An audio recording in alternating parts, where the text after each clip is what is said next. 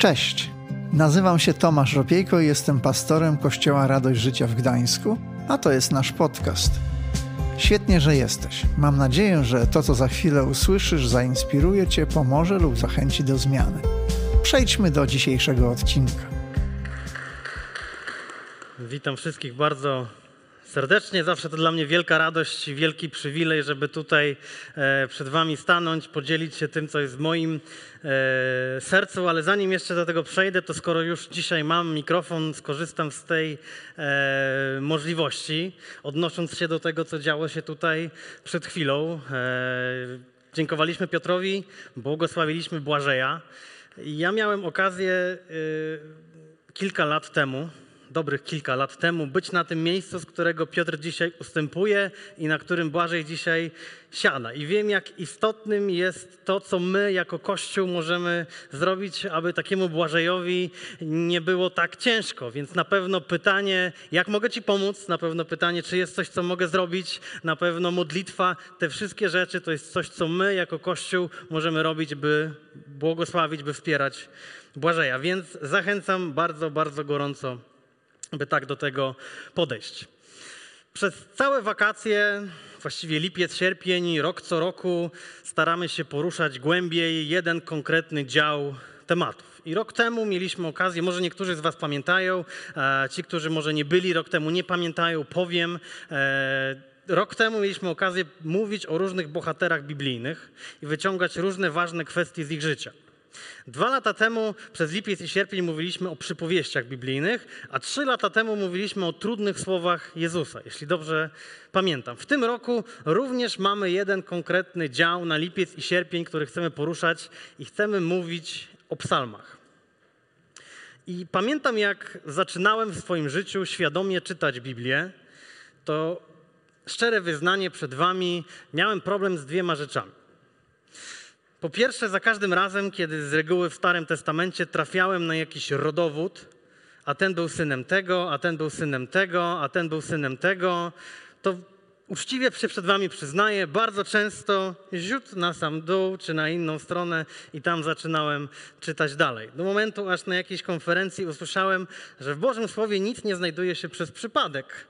Ci ludzie mogą być tymi ludźmi, którzy dla Boga są bardzo, bardzo ważni i od tego czasu zacząłem czytać rodowody. Drugim elementem, który był dla mnie trudny, były właśnie psalmy. Psalmy. Pamiętam, miałem takie założenie, nie mogłem się jakoś z tym y, utożsamić, było to dla mnie trudne. Dzisiaj oczywiście już wartość, która w tym jest, jestem w stanie wyciągnąć, ale, ale na samym początku to było dla mnie trudne. I miałem takie założenie, jeden psalm dziennie, aż do momentu, jak trafiłem na psalm 119, 176 wersetów. E, jakbyśmy mieli dzisiaj czytać wspólnie Psalm 119, nie wiem, czy byśmy wyszli tutaj za godzinę czy dwie stąd. Także dzisiaj nie o Psalmie 119. Ale cała ta seria o psalmach, cała ta seria kazań o psalmach jest o pielęgnowaniu Bożej obecności w naszym życiu. W takim wymiarze osobistym, w takim wymiarze prywatnym, ale też w zgromadzeniu. I myślę, że śmiało można powiedzieć, że wszystko jest dobrze wtedy, kiedy jest dobrze. Jeśli, jeśli wszystko idzie po naszej myśli, gdy odczuwamy Bożą obecność w naszym życiu, gdy odczuwamy Bożą miłość w naszym życiu, gdy nasze serce jest przepełnione radością, gdy nasze serce jest przepełnione wdzięcznością dla Boga, wtedy wszystko jest dobrze. Wówczas łatwo jest nam oddawać Bogu chwałę, wówczas, wówczas łatwo jest uwielbiać naszego Boga, wówczas łatwo jest dla Niego żyć i wówczas łatwo jest z Nim żyć. Co jednak, kiedy zrobimy coś strasznego? Co jednak, kiedy odejdziemy od Boga? Co jednak, kiedy przydarzy się jakaś trudna sytuacja w naszym życiu? Czy jest jakaś nadzieja?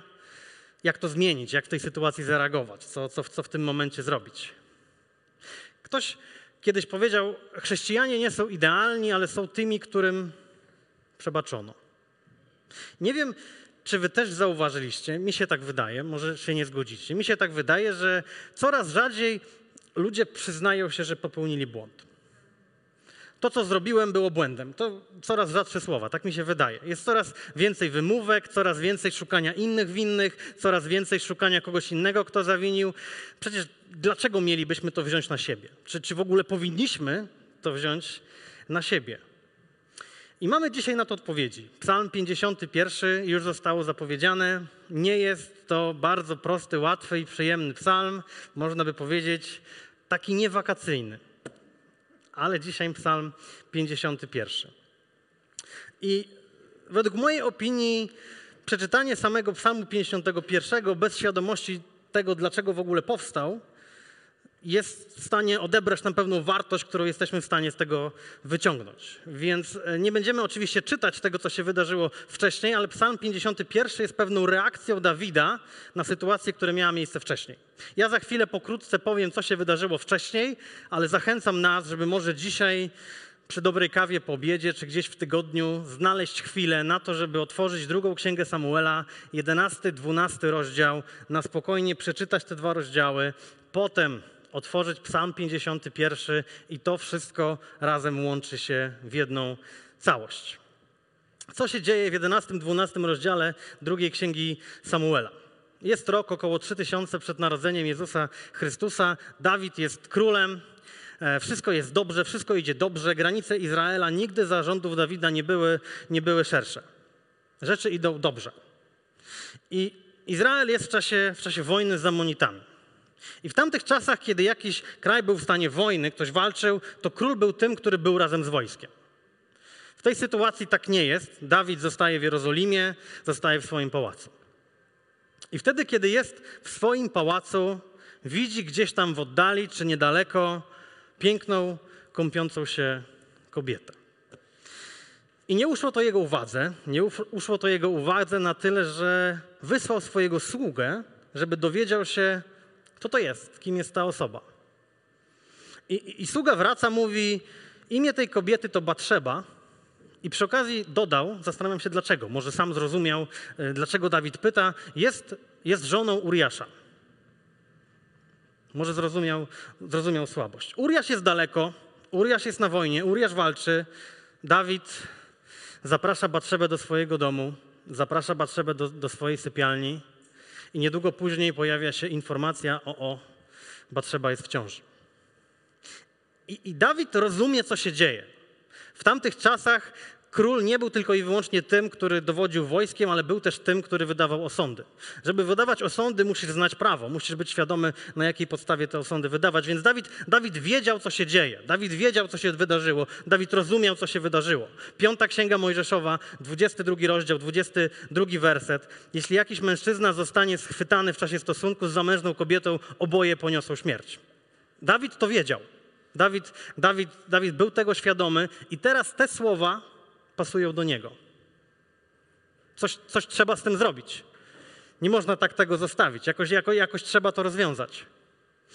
I Uriasz wraca do, do pałacu, rozmawia z Dawidem i Dawid mówi Uriaszowi idź odpocznij, idź do swojej żony, idź, idź, idź, zapomnij, idź, idź baw się, po prostu idź, odpocznij.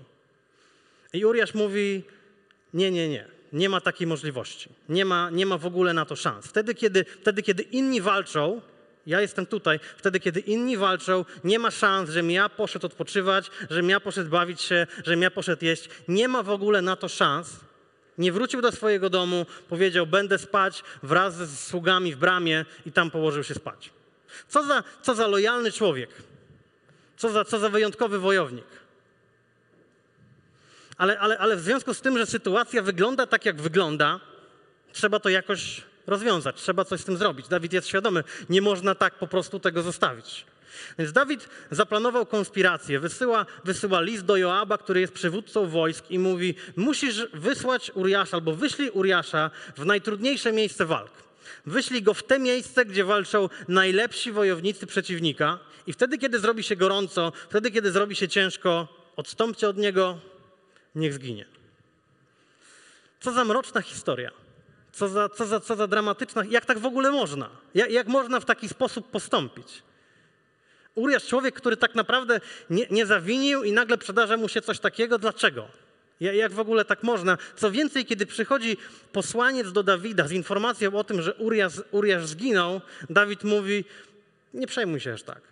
Na, na wojnie tak jest. Od miecza raz ginie jeden, a, a raz ginie drugi. Zaatakujcie miasto mocniej. Jak, jak w ogóle tak można? Jak można się tak zachować? Jak? I w następnym rozdziale, to był jedenasty rozdział, w następnym rozdziale, w dwunastym rozdziale przychodzi do Dawida, do króla Dawida prorok Natan i zaczyna opowiadać mu historię, wykorzystując porównanie z owcami, historię bardzo podobną do tego, co się przed chwilą wydarzyło. I Dawid, kiedy słucha tej historii, mówi: Jak w ogóle można się tak zachować? Kto mógł się tak zachować?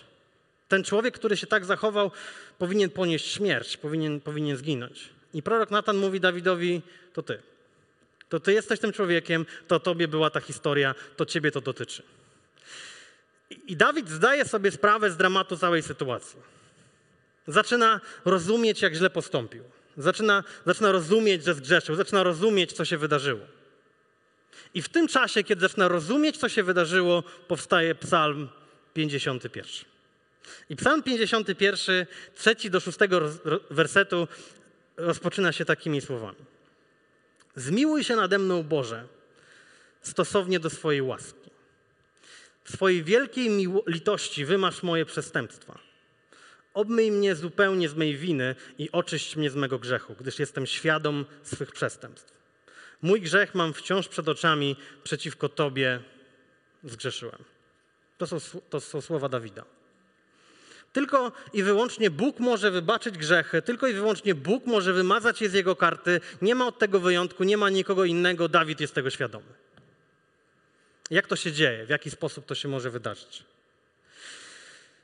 Na dużych obiektach sportowych na przykład jest coś takiego jak karty dostępu. My mieliśmy okazję kiedyś organizować różne wydarzenia na Ergo Arenie i kiedy rozpoczynał się ten dzień, kiedy my mieliśmy tam wejść, dostawaliśmy 40 różnych kart dostępów.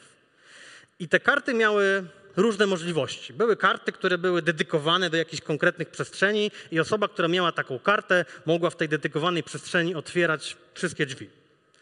Były karty, nazywały się komunikacja, i dzięki kartom komunikacji można było się poruszać głównymi ciągami komunikacyjnymi, otwierając wszystkie drzwi, które są po drodze. Żadnych innych, ale te, które były w ciągach komunikacyjnych, tak. Ale była jedna konkretna karta. Karta master. Karta master otwierała wszystkie drzwi. Ktoś, kto miał kartę master, to był ktoś. Jeśli ktoś zamknął się gdzieś tam, wszedł gdzie nie powinien, nie mógł wyjść, szybki telefon do kogoś, kto ma kartę master, proszę pomóż, błagam, nie wyjdę. Trzeba było iść, otworzyć. Ktoś, kto miał kartę master, to był ktoś. Więc były, były, były karty, które, które, które pozwalały otwierać niektóre drzwi i były karty, które potrafiły otwierać wszystkie drzwi. Karta master dawała możliwość nawet dojechać windą na piętra, na których nie można się było zatrzymywać. Więc jak ktoś chciał wjechać na to piętro, musiał znaleźć kogoś z kartą master. Można było nawet takie drzwi otworzyć. Była nawet jedna taka winda, gdzie można było bez karty master zjechać na dół jakiegoś magazynu, ale nie można było wjechać z powrotem do góry bez karty master. Nie było tam zasięgu, więc trzeba było czekać, aż ktoś w końcu wezwie tą windę. Tam już ludzie z namiotami, już w śpiworach czekali. Uratowałem życie wielu takim, którzy gdzieś w tej windzie zostali. Karta master potrafiła otworzyć wszystkie drzwi. Czyli były klucze do konkretnych drzwi, ale były też klucze, które otwierały wszystkie drzwi. I, I, czasem myślimy, potrzebuję, żeby Bóg zrobił coś w mojej szczególnej, konkretnej sytuacji. Ale, ale jest tak wiele różnych scenariuszy, jak wiele jest ludzi. Każdy mierzy się ze swoim własnym scenariuszem życia. Kiedy siedzimy dzisiaj tutaj, ktoś, kto siedzi po naszej prawej stronie, na 100% ma inny scenariusz swojego życia niż ty. Ktoś, kto siedzi po twojej lewej stronie, również na 100% ma inny scenariusz swojego życia. Ktoś, kto siedzi za tobą, przed tobą. Ja mam brata bliźniaka. Mi mówili, twój scenariusz będzie, jest taki sam jak... Nie, nie jest. Jakby nie ma dwóch ludzi, którzy mają taki sam scenariusz swojego życia. Każdy z nas ma inny scenariusz swojego życia, ma inną historię swojego życia, mierzy się z innymi sytuacjami, mierzy się, mierzy się z innymi konsekwencjami. W tej sytuacji, kiedy jest tak wiele różnych historii, w tej sytuacji, kiedy jest tak wiele różnych scenariuszy życia, w tej sytuacji, w której jest tak wiele możliwości, myślę, że dobrze jest, że istnieje klucz master. Klucz, który może otworzyć wszystkie drzwi. Sytuacja czy scenariusz kogokolwiek z nas nie jest wyjątkiem. Jakikolwiek historia, jakikolwiek scenariusz, jakakolwiek sytuacja, jakiekolwiek konsekwencje, to nie jest wyjątek, jest klucz master, który może otworzyć wszystkie drzwi. Może zmienić historię życia każdego z nas. Jaki jest ten klucz, który może sprawić, że scenariusz się odwróci? Karta master do odwrócenia konsekwencji w naszym życiu, które pojawiły się ze względu na grzech, jest rozwijanie stylu życia opartego na pokucie. I powiem jeszcze raz. Kartą master do odwrócenia konsekwencji w naszym życiu, które pojawiły się ze względu na grzech, jest rozwijanie stylu życia opartego na pokucie. To, to pasuje do każdego. To pasuje do każdej sytuacji, to pasuje do każdego scenariusza, to pasuje do wszystkich konsekwencji, to pasuje do każdej historii. Kiedy, kiedy czytamy Boże Słowo, to jest jedno ze słów, które pojawia się, się, się, bardzo często, to lub temu podobne. Kiedy jest człowiek, który chce coś zmienić, widzi potrzeby zmiany, to jest to słowo, które się pojawia wtedy, kiedy ta zmiana ma nastąpić. Dla, dlaczego to jest tak ważne? Dlatego, dlaczego to jest tak ważne, żeby, żeby, żeby zrozumieć, żeby zrozumieć, czym jest pokuta? Żeby Bóg mógł zainterweniować. Większość z nas jeśli nie wszyscy mierzymy się lub mierzyliśmy się z konsekwencjami, które pojawiły się w naszym życiu ze względu na grzech i pewnie wygenerowały sytuacje, których nie chcielibyśmy w naszym życiu, aby były. Gdybyśmy mogli cofnąć czas, to byśmy cofnęli, ale się nie da. I Bóg przychodzi ze swoją możliwością zmiany, odwrócenia kierunku. Jest karta master, która daje możliwość całkowicie odwrócić scenariusz. Pokuta jest potrzebna dlatego, że, że grzech istnieje. Grzech może być zdefiniowany jako jakiekolwiek naruszenie Bożego standardu czy, czy Bożych zasad. Słowo, o którym mówi Biblia, to nie jest słowo błąd. Słowo, o którym mówi Biblia, to nie jest słowo pomyłka. To nie jest słowo tak wyszło. Słowo, o którym mówi Biblia, to jest słowo grzech. Grzech, czyli jakiekolwiek naruszenie Bożego standardu czy Bożych zasad.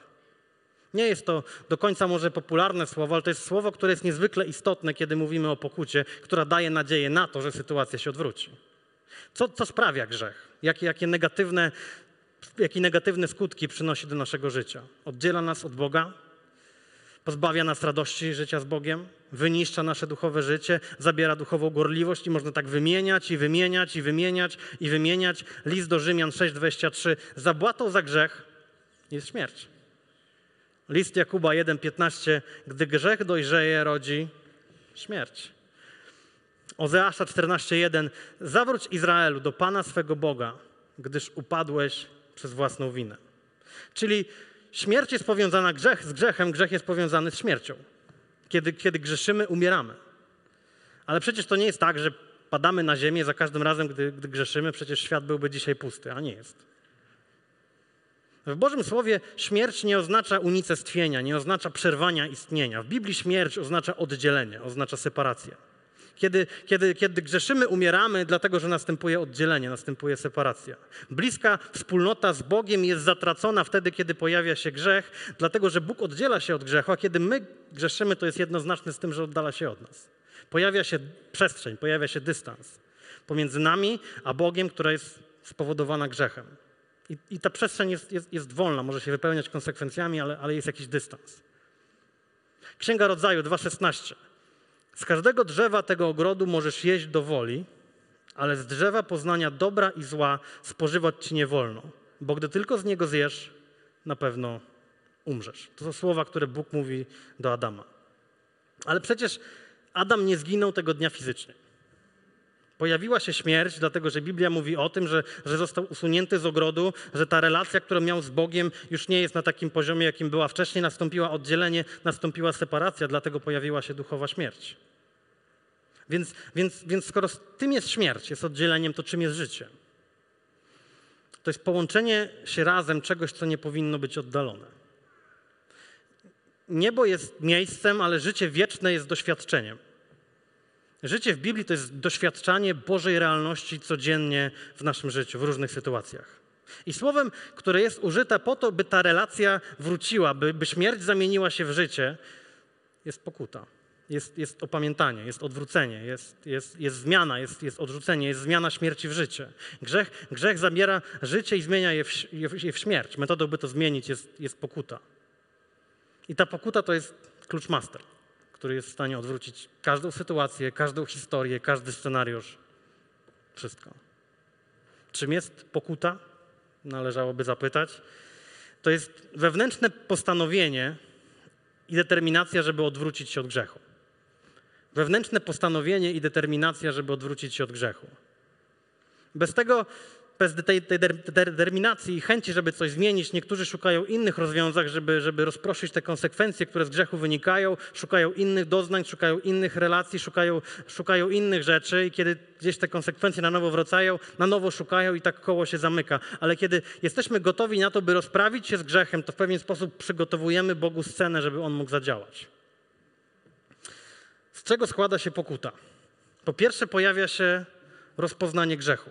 To jest to, o czym na samym początku mówi, mówi Dawid. Jestem świadom swych przestępstw. Jestem świadom swych przestępstw. Jeśli coś nie jest grzechem, to dlaczego mam pokutować? Ale jeśli, jeśli to jest naruszenie Bożych zasad i Bożych standardów, to, to jest to grzechem. Jeśli, jeśli Bóg mówi, że to jest grzechem, to to jest grzechem. Nie to, co mówi wujek, babcia, ciocia, sąsiad. Jeśli, jeśli Bóg i Boże Słowo mówi coś na ten temat, to, to znaczy, że tak jest.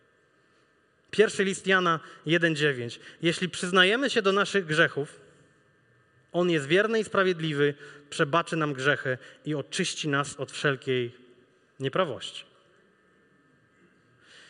Są przykazania o miłości do drugiego człowieka, są, są przykazania o przebaczeniu, są słowa mówiące o tym, tak czyńcie, jak chcecie, aby wam czyniono. Można, można, można, można też pójść dalej. To jest taka odczytywanie tego, co właściwe, to jest taka codzienna relacja z Duchem Świętym, odczytywanie tych rzeczy, które, na które Bóg wskazuje, które Duch Święty pokazuje, na które Duch Święty się nie godzi. Bóg chce nam codziennie pokazywać pewne kwestie w naszym życiu, które mogą wymagać zmiany, bo coś z zewnątrz może wyglądać ok, ale kiedy Duch Święty weryfikuje nasze nastawienie, weryfikuje nasze serce, okazuje się, że jest coś, co wymaga zmiany. I chcemy ciągle się zmieniać, chcemy ciągle odczytywać ten Boży głos, głos Ducha Świętego, który pokazuje nam w naszym życiu rzeczy, które wymagają przemiany. Dawid mówi: jestem, jestem świadom swych przestępstw. Jestem świadom tego, co się wydarzyło. Więc po pierwsze, rozpoznanie grzechu. Po drugie, pojawia się żal i pojawia się skrucha. Drugi los do Koryntian, siódmy rozdział, dziesiąty, jedenasty werset. Gdyż smutek pochodzący od Boga wywołuje opamiętanie, którego się nie żałuje. Ono prowadzi do zbawienia. I dalej, Zauważcie, co wynikło z tego Bożego smutku. Jako obudziła się w was tęsknota, jakie oburzenie na zło, jaka chęć wymierzenia kary. We wszystkim, jeśli chodzi o tę sprawę, okazaliście się czyści. To zraniło Boże serce, więc jest, jest, jest Boży smutek. 51 psalm, 6 werset, teraz jeszcze. Przeciwko Tobie samemu zgrzeszyłem, mówi Dawid. Popełniłem zło w Twoich oczach. To są słowa, które mówi Dawid. W jego sercu pojawia się żal, pojawia się skrucha. Psalm 51, 19 werset. Ofiarą miłą Bogu jest duch pełen skruchy. Sercem skruszonym, przejętym własnym stanem nie pogardzisz, o Boże. Świecki smutek mówi, dałem się złapać. Boży smutek mówi, to zraniło Boże serce. To jest, to jest reakcja na rozpoznanie grzechu w naszym życiu. Więc po pierwsze jest rozpoznanie grzechu, po drugie pojawia się żal, pojawia się skrucha i po trzecie jest decyzja, by coś z tym zrobić. Jest decyzja, by to zmienić. Ewangelia Mateusza, trzeci rozdział, ósmy werset mówi: Wydajcie owoc godny opamiętania.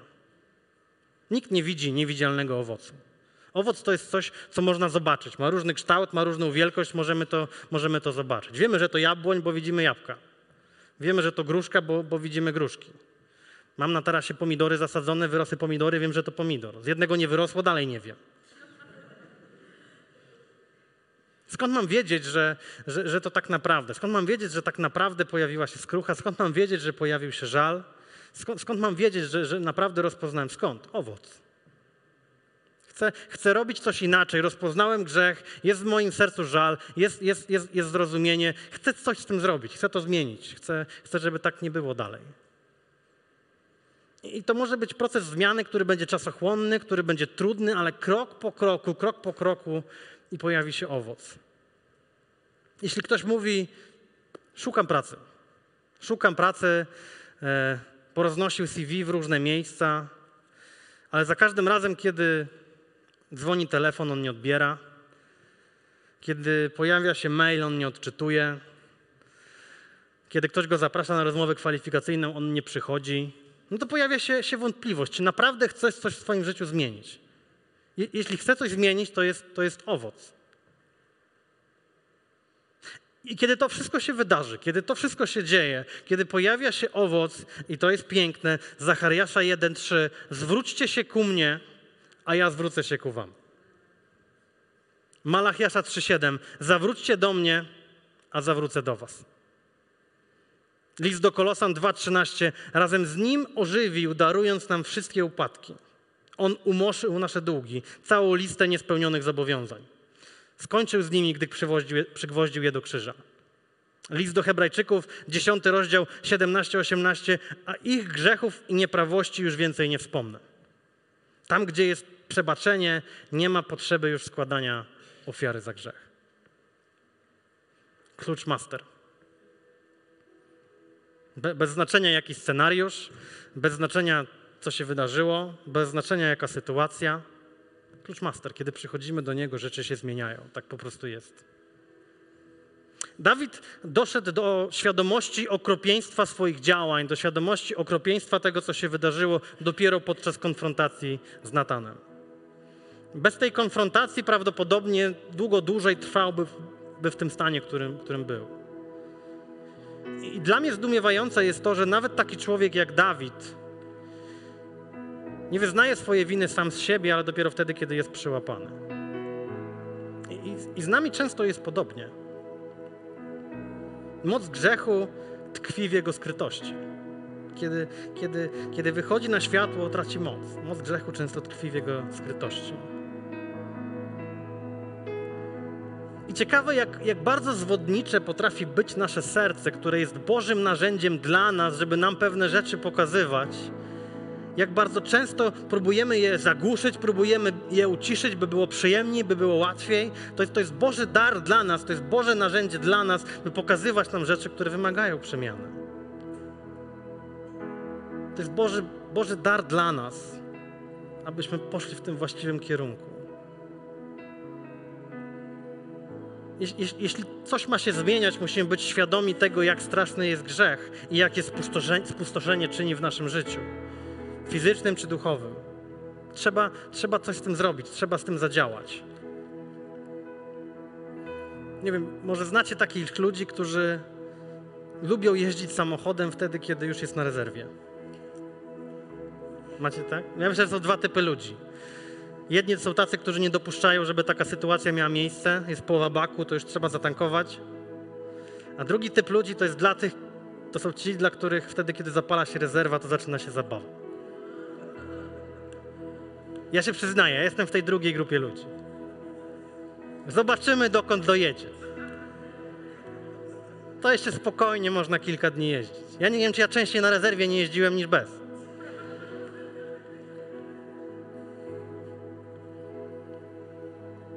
Ale problem w tym jest, że wtedy, kiedy benzyna się skończy, to naprawdę dalej nie zajedziesz. Nie będzie kolejnego znaku ostrzegawczego, nie będzie kolejnego sygnału. Kiedy skończy się benzyna, nie zajedziesz. I czasami tak mamy w życiu, że posuwamy się do pewnych limitów, robimy różne rzeczy przez cały czas, nie zatrzymując się na chwilę, by pozwolić Bogu, by zadziałał w naszym wnętrzu, aby mógł na nowo nas napełnić, by pewne rzeczy przeanalizować razem z Nim. I kiedy docieramy do tego momentu, kiedy kończy się rezerwa, to żyjemy ze zdecydowanie większą mniejszą ilością radości, zdecydowanie większą ilością stresu, frustracji, zmartwień, można tak wymieniać i wymieniać i, i, i wymieniać. I, I Dawid to rozumie. Dawid jest tego świadomy. Z jednej strony jest jego zrozumienie winy, z jednej strony jest jego żal, jest skrucha, z jednej strony jest chęć, żeby coś zmienić, z drugiej strony ma świadomość, że są rzeczy, których nie chce utracić. Ma świadomość, że już nie chce ani jednego dnia więcej, kiedy Bóg jest gdzieś tam daleko, a On jest tu. On nie chce tych rzeczy utracić. Ma świadomość, co ma w Bogu, ma świadomość, co ma w Nim i nie chce żyć bez tego. Psalm 51, 10 wers. Spraw, bym usłyszał radość i wesele. Niech ożyją kości, które tak skruszyłaś. Ani jednego dnia więcej. Nie chcę. Psalm 51, 12, 14 wers. Czyste serce we mnie stwórz, o Boże. Prawość ducha odnów w moim wnętrzu. Nie wypędzaj mnie sprzed Twego oblicza i nie odbieraj mi swego ducha świętego. Przywróć mi radość z Twojego wybawienia. Wesprzyj na nowo duchem żarliwości a nie jednego dnia więcej. ani jednego dnia więcej w oddaleniu, ani jednego dnia więcej, kiedy jesteś tam daleko. Panie Boże, chcę Ciebie tu, teraz, cały czas. Psalm 51, 17. Panie, otwórz moje usta. Niech me wargi ogłoszą Twą chwałę. I to jest ta modlitwa Dawida. Z jednej strony jest zrozumienie, z jednej strony jest żal, skrucha, z jednej strony jest decyzja, by coś z tym zrobić, a z drugiej strony jest zrozumienie, nie chcę ani jednego dnia więcej. Ani jednego dnia więcej. Jest świadomy, że grzech, który jest w jego, w jego życiu, oddala go od tego wszystkiego, co ma w Bogu i nie chce tak żyć, nie chce tak więcej, chce coś zmienić. I myślę, że to, co znajduje się w Psalmie 51, to jest dobra lekcja dla nas. Jak się zachować, jak zareagować wtedy, kiedy pojawia się w naszym życiu grzech. Nie zrzucić gdzieś tam na kogoś innego, nie powiedzieć, to nie moja wina. Panie Boże, przepraszam, jestem świadomy swych przestępstw, jestem świadomy tego, co się wydarzyło. Nie chcę tak żyć i można coś z tym zrobić, ale wierzę, że to nie tylko i wyłącznie jest lekcja na przyszłość. Może, może są dzisiaj tutaj takie osoby, które mają takie poczucie, że jest coś w ich życiu, co wymaga zmiany, i dzisiaj dochodzą do wniosku: Ja nie chcę ani jednego dnia więcej. Ja nie chcę ani jednego dnia więcej w takim założeniu, ja nie chcę ani jednego dnia więcej w takim scenariuszu, ja nie chcę ani jednego dnia więcej w takiej historii, ja nie chcę ani jednego dnia więcej z dala od Boga, ja nie chcę ani jednego dnia więcej. Nie chcę. Czas z tym skończyć, chcę coś z tym zrobić. I wierzę, że dzisiaj jest czas rozwiązania. Kiedy Bóg będzie przychodził, kiedy otworzy się nasze serce, przychodzi Bóg, scenariusz się odwróci. I oczywiście nie będziemy nikogo zapraszać, nie będziemy zachęcać do, do, do podnoszenia rąk. To jesteś Ty i Bóg. I wierzę, że przemiana. Możemy się razem pomodlić? Zachęcam, byśmy mogli powstać. Ojcze, dziękujemy Tobie za to, że Ty dajesz nam swoje słowo. Dziękujemy Tobie za to, że Ty jesteś tutaj na tym miejscu obecny. I dziękujemy, Panie, że tak wiele dobrego jest w Tobie. Dziękujemy Tobie za to wszystko, co my mamy dzięki Twojej obecności w naszym życiu. I Panie, jesteśmy świadomi tego, jak wiele złego w naszym życiu może czynić grzech, Panie, i nie chcemy, nie chcemy gdzieś zagłuszać, nie chcemy gdzieś wyciszać, ale chcemy się z tym rozprawić, by przygotować scenę do Twojego działania w naszym życiu. Panie, tak Cię proszę o te wszystkie osoby, które dzisiaj czują, że są w tym miejscu, kiedy chcą powiedzieć, nie chcę ani jednego dnia więcej. Panie, proszę Cię, aby dzisiaj był dzień przełomu. Proszę Cię o to, aby dzisiaj był dzień prze, przełomu, aby dzisiaj był dzień rozwiązania, aby dzisiaj coś się zmieniło, ani jednego dnia więcej. Panie, tak proszę Cię, ucz nas i pokazuj nam te kwestie, które wymagają przemiany, Panie. Chcemy żyć w sposób, który oddaje Tobie chwałę i chcemy żyć w sposób, który Ciebie uwielbia. Amen. Dzięki, że zostałeś z nami do końca. Pamiętaj, że odcinki pojawiają się w każdy poniedziałek o 18. Jeśli chcesz dowiedzieć się o nas więcej, to wejdź na stronę kazetgdańsk.org. Do usłyszenia.